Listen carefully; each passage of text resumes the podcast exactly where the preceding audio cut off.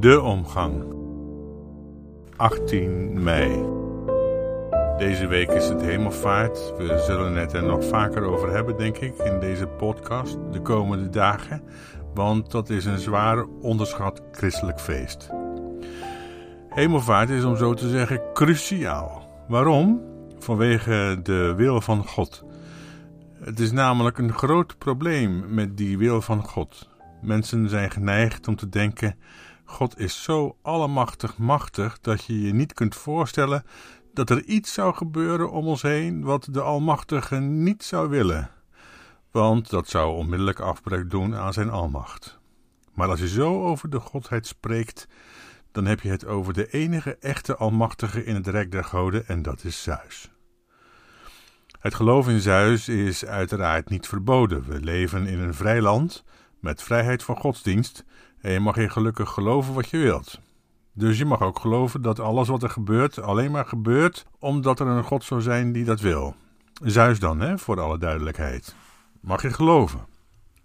Trouwens, je moet ze niet te drinken willen geven die dat geloven. Iets anders wordt het echter wanneer je zou zeggen: Ik bekeer me tot de God van Exodus, de God van die Joodse Bijbel. Bekering kan nooit half of zo'n beetje. Je bent heet of koud en niet lauw. Dus mocht je je bekeren, wat uiteraard niet verplicht is en ook niet nodig om in de hemel te komen, want hemel en hel als eeuwig volgehouden methode om te belonen en te straffen, daar doet deze bijzondere God niet aan. Dus mocht je je willen bekeren, dan is het wel zaak om niet stiekem je overtuiging die bij het geloof in Zeus hoort mee te smokkelen de wereld van de Bijbel in.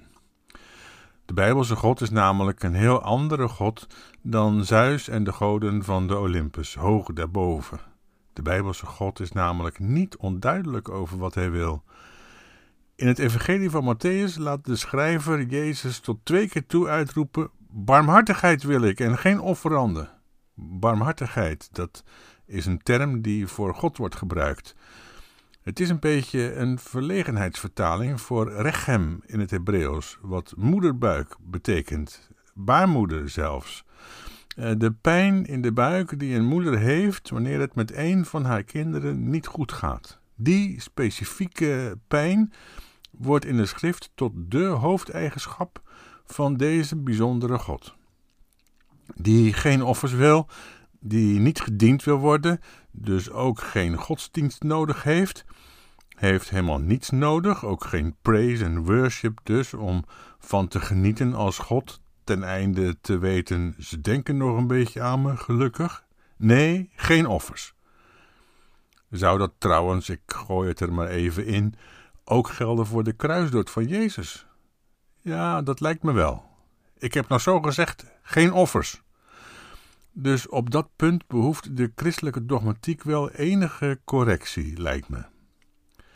Als Jezus zijn volgelingen vraagt: Wees mijn volgelingen en word geen meelopers, en bid tot de Vader in de hemel: Uw wil geschieden, gelijk in de hemel, alzo ook op de aarde, dan betekent dat dat Gods wil op de aarde niet geschiet.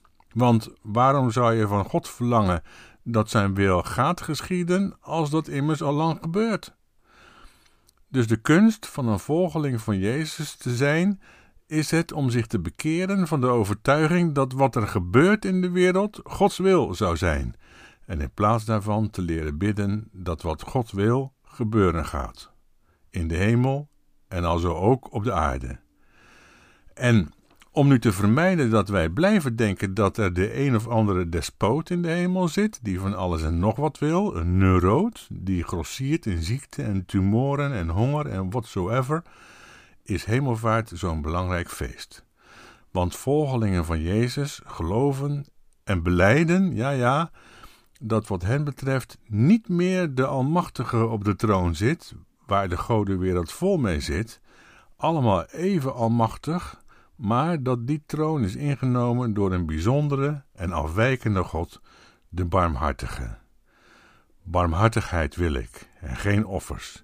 Die zit op de troon Hemelvaart vieren, tot slot, is dus feitelijk een christelijke beleidenis. Een beleidenis van heb ik jou daar. En de kerken die dat afschaffen of menen dat dat niet zo belangrijk zou zijn, die laten zich behoorlijk in de kaarten kijken, is mijn idee. Nou ja, bedankt in elk geval voor het luisteren en tot morgen.